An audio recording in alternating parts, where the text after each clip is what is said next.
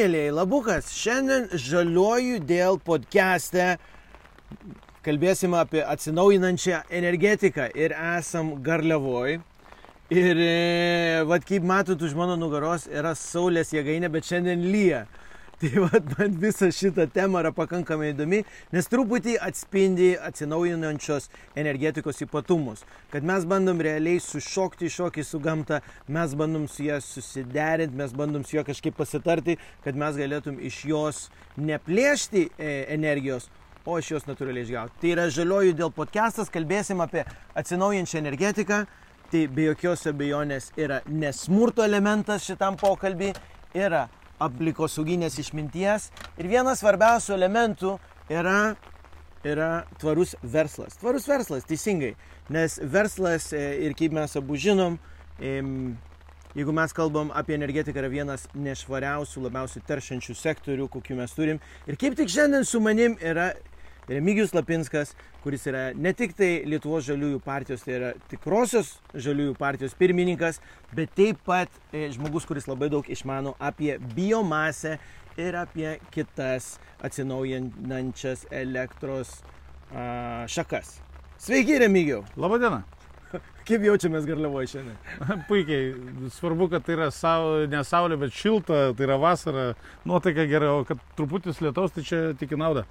Žiūrėk, man pirmas klausimas, nes, nes, nes e, kiek aš, aš esu su tavim kalbėjęs labai gerai išmanai visokias temas, ne tik tai apie biomasę, biokūrą, bet ir apie irgi saulės jėgainės, vėjo jėgainės, visokių, apie energetikos tinklus. Tai dabar vat, e, šitą jėgainę, kokią mes matom, Kokių, kokių pajėgumų dabar įsivaizduoja dirba? Kokį 15 procentų, 20 procentų? Na, tai reikia pradėti nuo to, kad e, bet kuris saulės e, jėgainė, jinai turi vadinamą tokį koficijantą labai svarbu, arba mm. vadinamą load factor. Kitaip tariant, jeigu yra instaliuota galia, tarkim, 1000 kW, 1 mm. MW, tai reiškia, kad jinai prie e, ryškios saulės šviesos, jinai dirbs maždaug 17-18 procentų efektyvumu. Tai kitaip mhm. tariant, vienas instaliuotas megavatas galios duos, e, tarkim, ten 170-180 kW realios energijos, e, mhm. reiškia, gamyboje. Tai, na, tokių, tokių dalykų yra ir vėjo energetikoje. Vėjo energetikoje šitas load factorius gali sviruoti nuo, ten, tarkim, 25-27 iki mhm. 40 procentų jūroje arba netgi dar daugiau. E, viskas vystosi iš tikrųjų, jeigu anksčiau... Bet, bet jį dabar gamina ar negamina? Jinai gamina, bet labai nedideliu, sakysim taip, režimu. Be abejo, saulėtą dieną be debesų jinai gamintų maksimaliai, o mhm. dabar, tarkim, gamina turbūt kokių aš nežinau, 3 ar 5 procentų pajėgumų viso labo reiškia, bet e, jai užtenka dienos šviesos tam, kad jinai e, bet kokią atveju gamintų. Suktų skaitiklį. Tai va, ja. man, šita, va, man per tą kampą yra labai gerai ir labai įdomu lysti šitą atsinaujinančios energetikos klausimas, nes Taip. e, seniai Lietuvoje, Lietuvoje sakėm, seniau, gal prieš 10 metų, kad mums netgi reikia naujos atominės elektrinės tam, kad užtikrinti, kad būtų a, pastovi, kad būtų pastovus šaltinis. Jo, čia kiti sakė, žaliai niekada to nesakė, mes sakėm visada, kad nereikia nereikia mums atominės energetikos, tai yra suvaldytos sprogimo technologijos, mhm. technologija paremtos energetikos mums nereikia, nes bet kada galim vėl nesuvaldyti sprogimo. Mhm. Dėl žmogiškos klaidos, mhm. dėl technikos klaidos, dėl, tarkim, kokio nors e, pavojaus, e, teroro akto ar dar mhm. kažko, kažko gali atsitikti nepataisomą nelaimę. Mhm. Mes po to, kaip tarkim, Černobilė įvyko arba Fukushimoje, mes nesuvaldom procesų ir turim prarastas teritorijas ištisiam šimtmečiam, nes juose neįmanoma nei gyventi, nei jo. dirbti, nei auginti nieko šiaip ir prastą investiciją, nes mes matom, kad jeigu, atsinau, jeigu investicija yra šimta milijoninė, jeigu mažiausiai, žinai, mes kalbam realiai netgi didesnė ir vis tiek yra 50 metų investavimai prieki, kai yra visokių naujų technologijų. O kokia yra šiandien padėtis Lietuvoje su atsinaujinančia energetika? Ar mes gražiai sušokom tą šokį su gamta? E, mes, e, mes jį pradedame šokti ir, ir šokame gerai, ta prasme, ES mastu lietuviai yra toj pirmaujančių šalių grupėje, mhm. nes e, apie 27 procentus visos energijos mums reikalingos mes gaminame iš atsinaujančių energijos išteklių. Tačiau reikia suvokti visiems, kad energija tai nėra vien elektra. Elektra tik tai viena dalis energijos, dar mes turim šilumos energiją ir mes turim transportą. Mhm. Ir vat, e, kombinacija šitų trijų dalykų - šiluma, elektra ir transporto degalai e, - jie ir duoda visą valstybės poreikį. Ir šią dieną mes Lietuvoje gaminam apie 27 procentus visos šios energijos iš atsinaujinančių. Tačiau taip nebūtų, jeigu mes e, beveik turbūt 70 su virš procentų šiluminės energijos miestuose negamintume iš biokūro.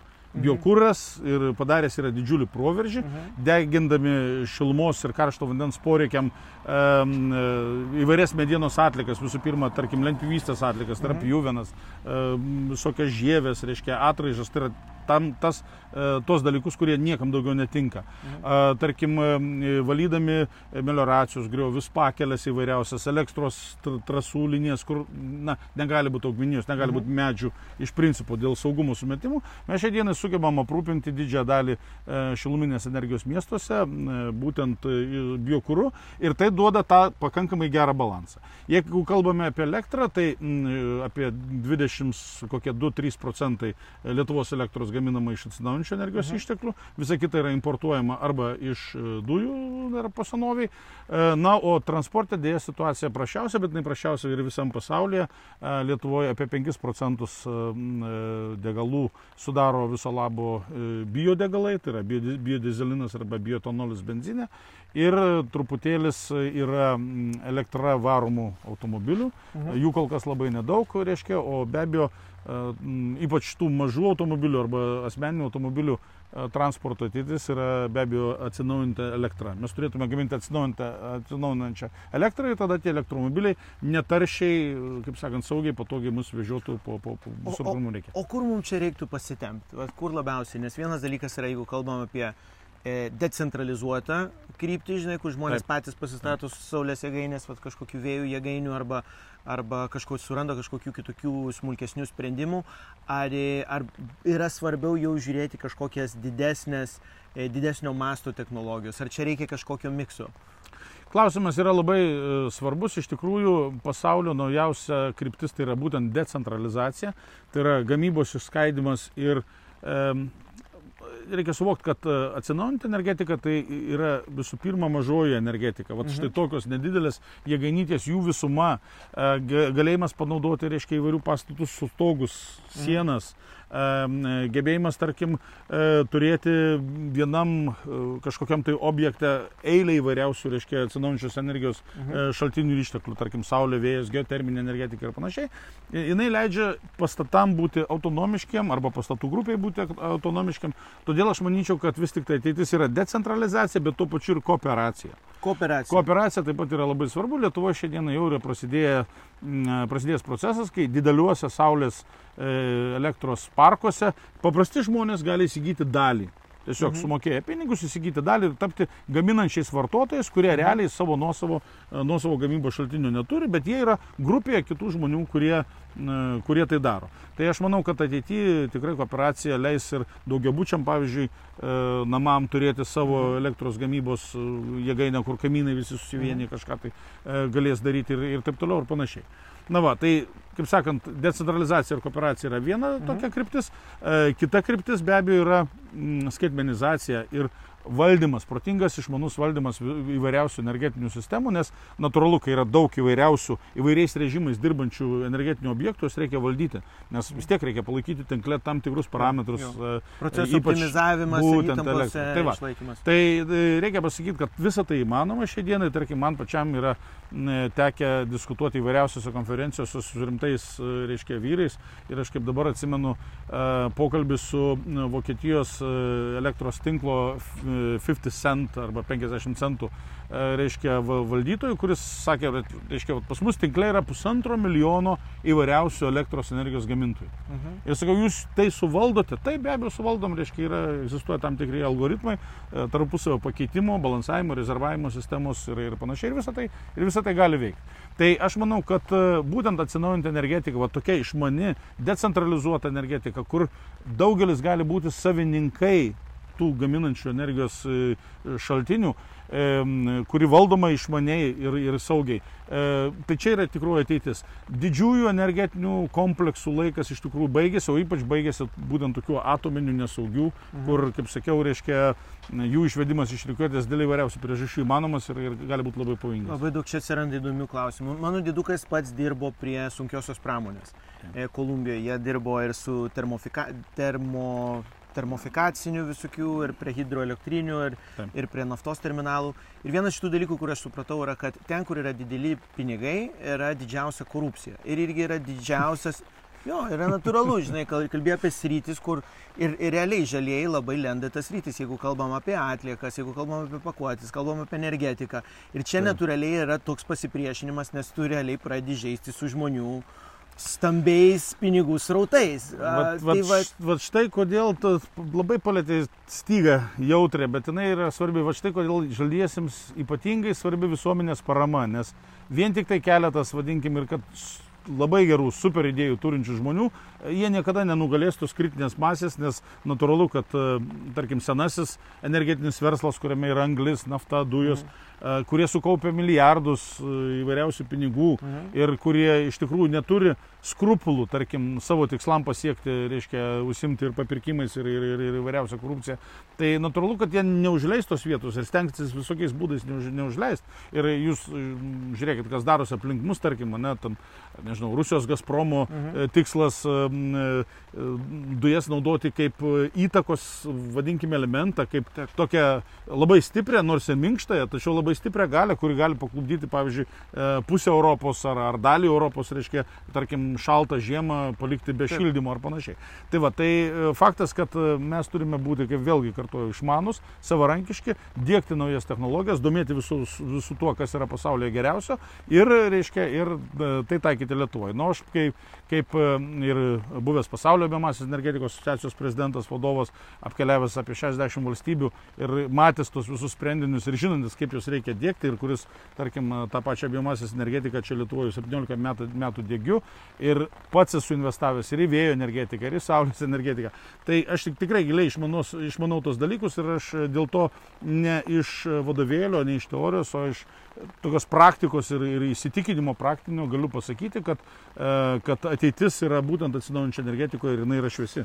Bet, bet problema yra su pokyčiu, žinai, kaip padaryti, kad žmonės prie to pereitų. Vat man dėl to yra, žinai, tarkim, jeigu aš turėčiau užduoti vieną tokį klausimą šitais rytinės, man jis yra svarbus. Nu, tarkim, labai daug kur žaidžia, tarkim, investicijos didelės, Taip. irgi, žinai, turtingų pinigų, turtingų žmonių pinigų, žinai, ten, ten, žinai, kaip jie tą saugo, aišku, irgi, ir, ir čia kartais netgi galvoju, jeigu investavo šimtas milijonų arba milijardą, jie nenorės, kad kažkas jiems sugadintų investiciją.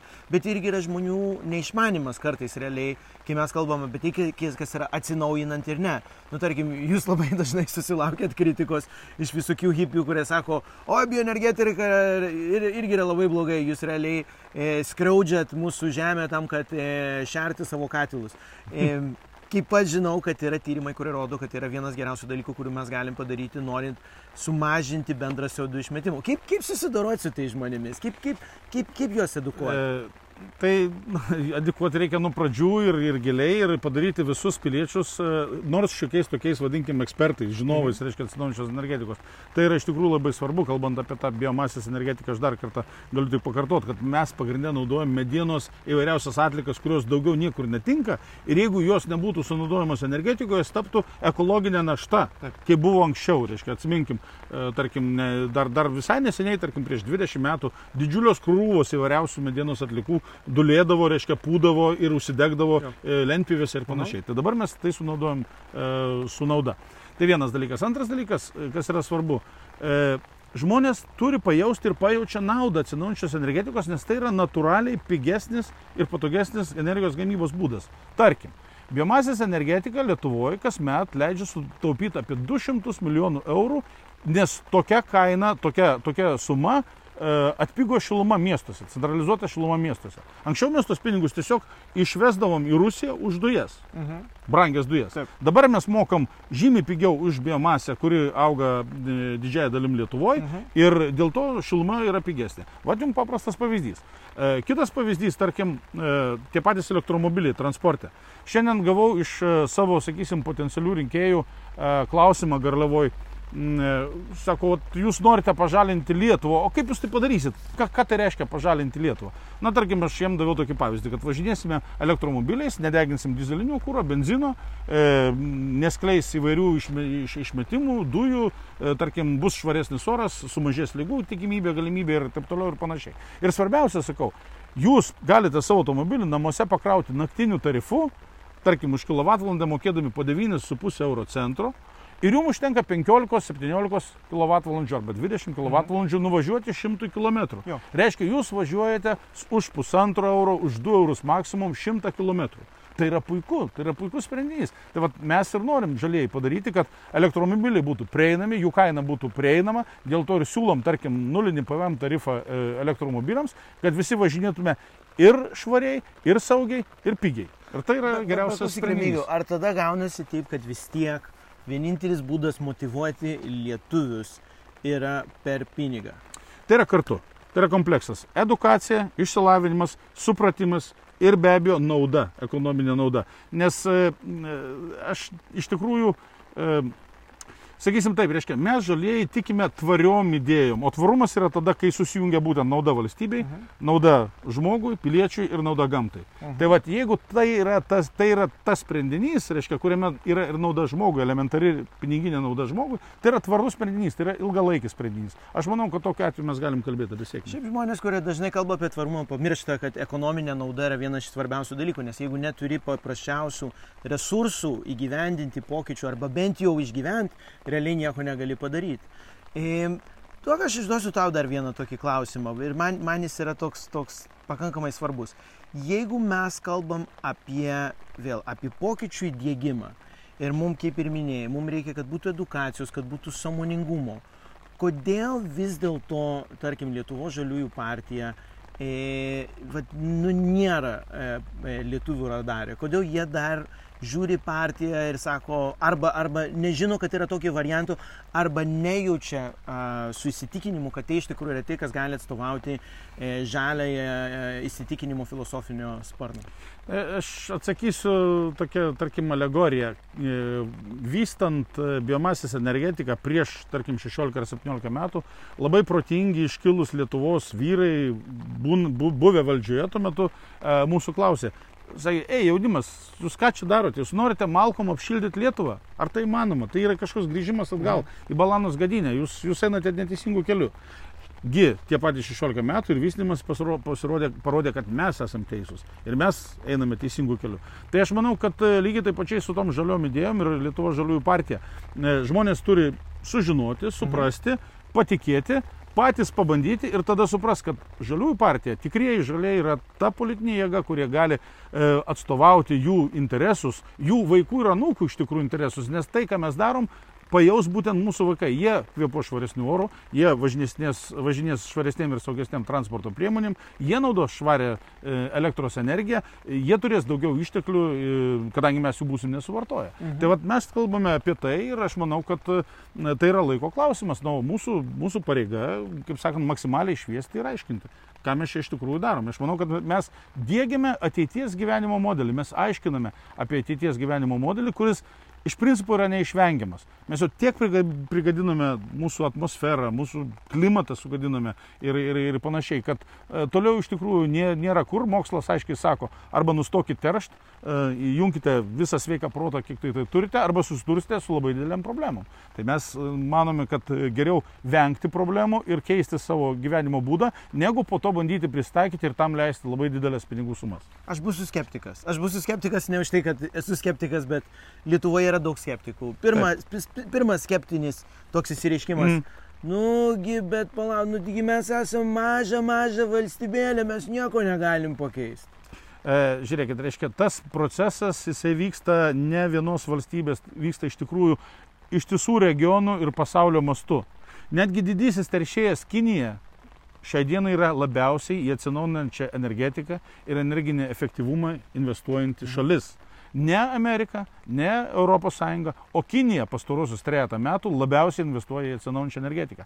Tai faktas, kad e, atsinaujinti energetika tai yra new normal arba, kitaip tariant, naujas, naujas algoritmas, reiškia naujas e, veikimo būdas, e, kuriuo iš tikrųjų reikia eiti. O mes kaip ES dalis, reiškia, turim patvirtinti iš tikrųjų savo lyderystę, nes šiai dienai mes tikrai turime visas technologijas, mes turime išmanimą, mes turime pasisekusius projektus, mes matome kylančius vėjo e, elektrinių parkus aplink, e, tarkim, Britų salas ir, Mhm. ir, ir Šiaurės jūroje, ir, ir, ir, tarkim, Vokietijoje, Šiaurėje ir panašiai. Mes patys planuojame galų galia, vat, Lietuvoje, e, tarkim, jūroje planuojama e, 700 MW pirmasis vėjo elektrinių parkas, o bendras potencialas yra apie 3000 MW. Tai pavyzdžiui, 3000 MW veikiantis e, nominaliu, tarkim, ten kokių 40 procentų load factorių pilnai patenkina visos Lietuvos elektros poreikius. Tai vat, tai- vat ir nereikia nieko tada neįdeginti ir mes būtim, būsim patys savo saugiai gaminantis elektros energiją. Ir čia net ne lyderystės jau klausimus, o tiesiog dėl tokios hygienos, nes jeigu visi eina į priekį, o mes liksim tokiais barbarais. Aš, aš manau, kad čia ir hygienos, bet čia ir elementariai išlikimo klausimas ir tame tarp ir konkurencijos klausimas. E, šitos technologijos, apie kurias aš nekiu, tai yra ateities technologijos. Kas pirmasis jas įvaldys, kas pirmasis pasieks tam tikrus lūžio taškus, kas pirmasis išmoks pigiausiai gaminti energiją, tiek elektros, tiek šilumos, tiek transporto, tas bus laimėtojas tolesnėse kovose visos ekonomikos mastu. Pilnai pritariu. Ypač kai mes esame maža valstybė, mes galim tiek daug padaryti sprendimų, kurių, pavyzdžiui, nei Amerikoje, nei Britanijoje greitai neįdėktum. O čia šiaip, man atrodo, netgi Dalius Misiūnas labai daug su to kovojo, kad būtent visi, kas, viskas, kas vyksta su energetika, kad prijungimas, kad perdavimas būtų truputį efektyvesnis, skaidresnis. Antras klausimas - skeptiko. Bet klausyk, nu tas klima, klimato kaita, nu čia, čia nesąmonė, čia niekas, čia nevyksta nieko, čiagi, čiagi sezoniniai pokyčiai, čiagi, čiagi gamta pati keičiasi. E, na, aš visą laiką linkęs tikėti mokslu ir manau, kad tie, kas e, žiūri oro prognozes, tarkim, per TV3 ir klauso e, gerbiamas daktaris klimatologės e, Odronės Galvonaitės, tai turbūt jau supranta ir žino, kad vis tik tai tai nėra e, trumpalaikiai kažkokie tai pokyčiai, vis tik tai, kad tai yra pokyčiai, kuriuos e, sukėlė mūsų e, nevaldomas tas iškastinio kūro naudojimas pastaruosius šimtą metų ir iš tikrųjų šildomio dujų, tame tarpe CO2 m, koncentracija atmosferoje yra praktiškai per šimtą metų padvigubėjusi. Ir šiandienai mes dėl klimato kaitos turim tokius neramius orus, mes turime ekstremumus. Atidunda didžiuliai debesis, mhm. reiškia, kurie iš, išpila, e, tarkim, lietų labai, labai greitai ir mūsų miestų, tarkim, e, sistema e, nebesugeba sus, susidoroti arba suvaldyti e, to vadinamo vandens kiekio. E, mes turime kalbėti apie pristaikymą tų pačių miestų prie, e, nežinau, karščio bangų, kurios ja. ateina taipogi. Ne? Aš manau, kad dar šiais metais mes sulauksime, pavyzdžiui, savaitės ar dešimties dienų, kai bus kokie ten 35 ar 38 laipsniai temperatūros ir, ir, ir visi, kas tik tai turės, norės įsijungti kondicionierius ir, ir vėlgi iškils problemos miestuose ar mūsų namai elektros sistema pritaikyta Bet- prie to. bet- bet- tai, va, tai, tai čia yra pokyčiai, kuriuos mes patys nu- nulėmėm. Mokslas tai sako. Aš linkęs tikėti mokslu. Ponas ir ponai, šiandien čia žaliuoju dėl uh, podcast'e aš kalbu su Remigiju Lapinska apie atsinaujinančią energetiką. Kaip tik esam garliavoje, kur stipriai lyja, esam prie jėgainės, kuri labai gerai atspindi viso šito reikalo dvasę, kur mes realiai turim dirbti su gamta, mes su ją turim susitaikyti. Čia yra kol kas live transliacija, jeigu jūs turit kokių klausimų, Noriu, kad jūs žinotum, kad eteris yra gyvas ir mes galim priimti jūsų visokiausius klausimus. Bet aš dabar norėčiau uh, Remigijui užduoti dar vieną klausimą. Neatsibodo dar? Ne, ne, prašau, prašau. Ma, įdomiam temam aš galiu kalbėti be galo. Klausyk, a, aš, va, va čia toks bus biški išeisim iš tos atsinaujinančios energetikos, bet e, kažkur yra mitas, va, kad jeigu eini į politiką, reikia arba jau turėti savo pinigus, kad būtum nepriklausomas, arba tu turi visai jų neturėti, kad netgi tas Seimo narių atlyginimas jis būtų racionalus. Kaip mes galim elgtis, tarkim, su Seimūnai, su visą mūsų sektoriu, kurie, šiaip bent jau aš matau, reikia profesionalų, bet jie nėra gerai apmokami. Kaip mes galim, kaip jūs jaučiatės dėl šito dalyko, nes vis tiek niekas neneiks, jūs esate pasiturintis žmogus e, ir, ir žmogus, kuris moka sukurti vertę ir skaičiuoti žmogišką vertę. Kaip mes galim išspręsti šitą myslę Lietuvoje? E, Aš manau, kad e, kiekvienas žmogus savo gyvenime turi tam tikrus etapus. Tai yra etapas, kai jisai kaupia turtą. Turbūt, e, nu, pradėkime nuo žinių. Jam žinios yra didžiausias turtas, jisai kaupia žinias, tada jisai kaupia materialinę gerovę, jisai rūpinasi savo šeima plačiaja prasme. Ir, ir yra tas kaupimo etapas, bet matyt, e, žmogui turinčiam širdį visada ateina momentas, kai jisai pamasto ir pagalvoja, kad Na, o kas iš to, kad aš vat, ir dar, dar, dar čia kažkokį tai pastatą savo turėsiu, ar dar čia kažką padarysiu. E, matyt, visą laiką ateina momentas, kai tu pradedi galvoti, kokia prasmė tavo gyvenimo ir ką tu tada paliksi savo vaikam ir anūkam, mhm. kurie čia vat, aplink tave pradeda spiestis, ar tu paliksi geresnį pasaulį ar, ar panašiai. Tai čia tada po žinių to darbo ir to kaupimo proceso ateina atsakomybės periodas. Mhm. Ir jeigu, kaip tu sakiau, turi širdį ir turi tą atsakomybės jausmą, tada tu manai, tada tu supranti iš tikrųjų, perėjęs vėlgi keletą įvairiausių etapų, tame tarpe vadinamą virtuvės politikos etapą, mhm. kad visi blogai daro, aš vienas padaryčiau gerai, tada pasiryšti ir sakai, taip, reikia išnaudoti tavo turimą žinias, tavo e, turimą, sakysim, e, E, potencialą, praktiką, tai, kad tu sukaupiai keliaudamas po pasaulį, e, dirbdamas tam tikrą darbą, pritaikyti savo šalį, nes nori palikti ją geresnę. Tai va, čia toks yra atsakymas, aš sakyčiau, žin, žinios darbas ir atsakomybė yra tas algoritmas, kuris normalų žmogų verčia pasukti vis tik tai politiką ir užsimti viešaisiais dalykais. Mhm. Čia toks universalus atsakymas, o, o, o kitas dalykas, aišku, na, žinot, mes per 30 metų įvairiausių politikų matėm, matėm viso, visokiausių partijų ir panašiai. Aš tai turiu pareigą kaip žaliųjų partijos pirmininkas, tikrųjų žaliųjų e, partijos pirmininkas, užtikrinti, kad e, mes va, tuos devynerius metus, kai kol egzistuojam, mes e, kantriai kaupiam ir išminti ir šlifavom ir, ir dėliojom savo, sakysim, nuostatas ir, ir, ir supratimą. Turim šią dieną vieną kitai neprieštaraujančias aiškias pažiūras, ne vien tik tai žaliaisiais klausimais. Mes nėra, nesame vieno klausimo partija, mes esame partija, kuri rūpinasi ir švietimu, ir sveikatos apsauga, ir socialiniais dalykais, ir verslo sąlygų gerinimu, ir be abejo energetikai, energetiniu efektyvumu, ir mūsų gamtosauga, ir, ir miškais. Tai vat... Be jokios abejonės dabar reikėtų paminėti, kad tai yra politinė reklama. Taip, tai yra politinė reklama E, netlygintinai skleidžiama pačių politinės kampanijos dalyvių. Čia reiktų, žinai, pasakyti iš karto. Bet man, žinok, man tikrai tas klausimas yra, nu, tarkim, žiūrėk, labai paprastas dalykas, tarkim, ant kiek gali atlyginimų skirtumas Lietuvoje visiškai paveikti žmonių realybės suvokimu. Kai kam e, 3000 eurų Seime yra wow, kokie pinigai, Taip. bet kokiam labai normaliam profesionalui, tarkim, užsienio lietuviui, kuris vat, jau baigęs aukščiausius e, mokslus kažkur pasaulyje, tai yra toks labai ne, toks atlyginimas. Bet Taip. mes norėtum jūs įsigražinti, tik mes kalbam apie viso šito sektoriaus, nu tarkim, e, gerinimą, kad ateitų šviežių žmonių į politiką. Ir mes matėm dabar irgi su, su, papras, su paprastais tais valstiečiais, jie atėjo prisijungę labai gerų žmonių, nes turėjo noro kažką pakeisti ir nedaug pinigų akivaizdžiai ir jie pris, pris, prisvylę, žinai, norėjo ateiti su mintim, Ir, ir tada, tada klausimas, kaip, kaip suviliuoti tos žmonės normalius, kad jie ateitų, kai nei atlyginimas geras, kai tave suterlios, kai tave suvarys, kai dar e, vadins, žinai, apsukrų sukčium, žinai, kam to reikia?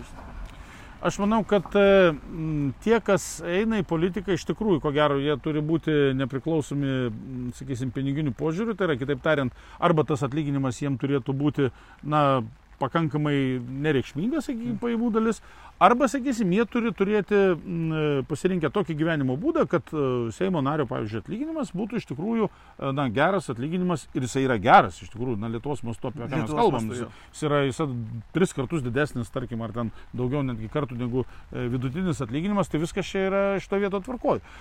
Man žymiai svarbesnė yra klausimo pusė, kaip pats klausiu, o kaip suviliuoti tuos tikruosius profesionalus, mhm. kurie gali atnešti Lietuvai kažką tai ir padaryti juos, tarkim, Lietuvos draugais, mhm. patriotais ir, ir panašiai. Tai čia atsakymas mūsų yra labai paprastas. Aš manau, kad tarimosi ir susitarimo politika yra labai labai svarbus dalykas. Mes to žmonės galime pakviesti dirbti ne dėl atlyginimo, o dėl patriotinių jausmų, dėl to, kad jie turi tas žinias ir norėtų jas, kaip sakant, išreikšti čia jų, tarkim, gimtojo žemėje arba žemėje, kur yra jų tėvų šaknis ir, ir panašiai. Tai motivacijos dalyvauti viešuosiuose reikaluose yra, yra įvairios. Ir tai iš tikrųjų nebūtinai tik tai pinigai, tarkim. Mano atveju tai yra na, atvirkščias variantas. Aš leidžiu savo pinigus tam, kad e, galėčiau, na, tarkim, tą visą patirtį, kurią turiu, e, atnešti čia į Lietuvą ir ją paskleisti. Bet tada ar pati neligybė Lietuvoje netampa viena iš didžiausių problemų? E, jinai yra pakankamai didelė problema ir vėlgi ją reikia būtinai be abejo rūpintis, bet vėlgi mes e, turime suvokti, kad politika, viešieji finansai turi rūpintis tą silpniausią visuomenės mhm. dalim, ypač tą, kuri sunkiausiai gali, sakysim, egzistuojančios rinkos sąlygomis apsiginti. Tai visų pirma, be abejo, tie žmonės, kurie pabaigė savo darbinę karjerą, turiu galvoje mūsų seniorai, pensininkai, jie tiesiog gali e, norėti geriau gyventi arba oriau gyventi, turėdami tinkamą normalią pensiją. Tai tuo reikia ir pasirūpinti. Lygiai taip pačiai, kad ir minimaliausias, kad ir pats paprasčiausias darbas, jisai turi užtikrinti žmogui, e, na, tu, tarkim, oro pragyvenimą. Todėl minimalus atlyginimas Lietuvoje taip pat turi kilti. Mhm. Tai apie tai mes pasisakom. O šiaip, reiškia, klausimas e, turėtų būti sprendžiamas tokiu būdu, kad čia atsiranda naujos investicijos, naujos technologijos, super protingi sprendimai, kuriama ypatingai aukšta pridėtinė vertė, reikalingi įsilavinę e, darbuotojai, kurie e, kuria tą vertę ir kuriem tada mokamas gerokai aukštesnis atlyginimas. Čia yra variklis iš tikrųjų vat, viso šito proceso, tame tarpe ir viešųjų finansų. Ir klausyk, ar man vienas iš tų klausimų, nes dabar po COVID banga daug kas sako, kad, e, nu, tarkim, gausim didžiulę injekciją pinigų iš Europos, va, tą Europos žalėje kursą. Taip. E, ir tada yra klausimas, ar čia gali būti viena iš tų vietų, kur gali atsirasti naujų technologijų, naujų investicijų, naujų galimybių. Čia yra unikalus šansas Lietuvai ir aš, nežinau, visų, visų žmonių, kaip sakant, prašyčiau ir, ir, ir melstis, ir burti, tik tai, kad mes to šanso ne, nepaleistume vėjais, nes jeigu šitą, m, turbūt paskutinę galimybę Lietuvai e, mes vėl m, tos finansus sukišim į masinę trinkelizaciją ir, ir kažką tai tokio, na tai supraskite teisingai, mes pravalgysim, išvaistysim, išmėtysim pinigus. Taip keletas sektorių, reiškia, galbūt e, laimės, bet ilgalaikių darbo santykių, ilgalaikių investicijų, kurios po to duotų naudą, e, na mes nesusikursim. Europa mums tiesia tos pinigus ir sako, pasidarykite savo meškerę ir žvejokite amžinai, auksinės žuvelės traukite. Tai jeigu mes vietoj to, kad, reiškia, pasidarytume meškerę, mes tiesiog grubiai nusipirksim žuvį ir ją suvalgysim, čia bus netvarka. Tai vat, mes esam ta partija, kuri aiškiai suvokiam, kaip reikėtų padaryti, kaip pertvarkyti ir mūsų ekonomiką, ir mūsų investicijas, ir mūsų finansus. Ir manau, kad na, galėtume, galėtume padėti.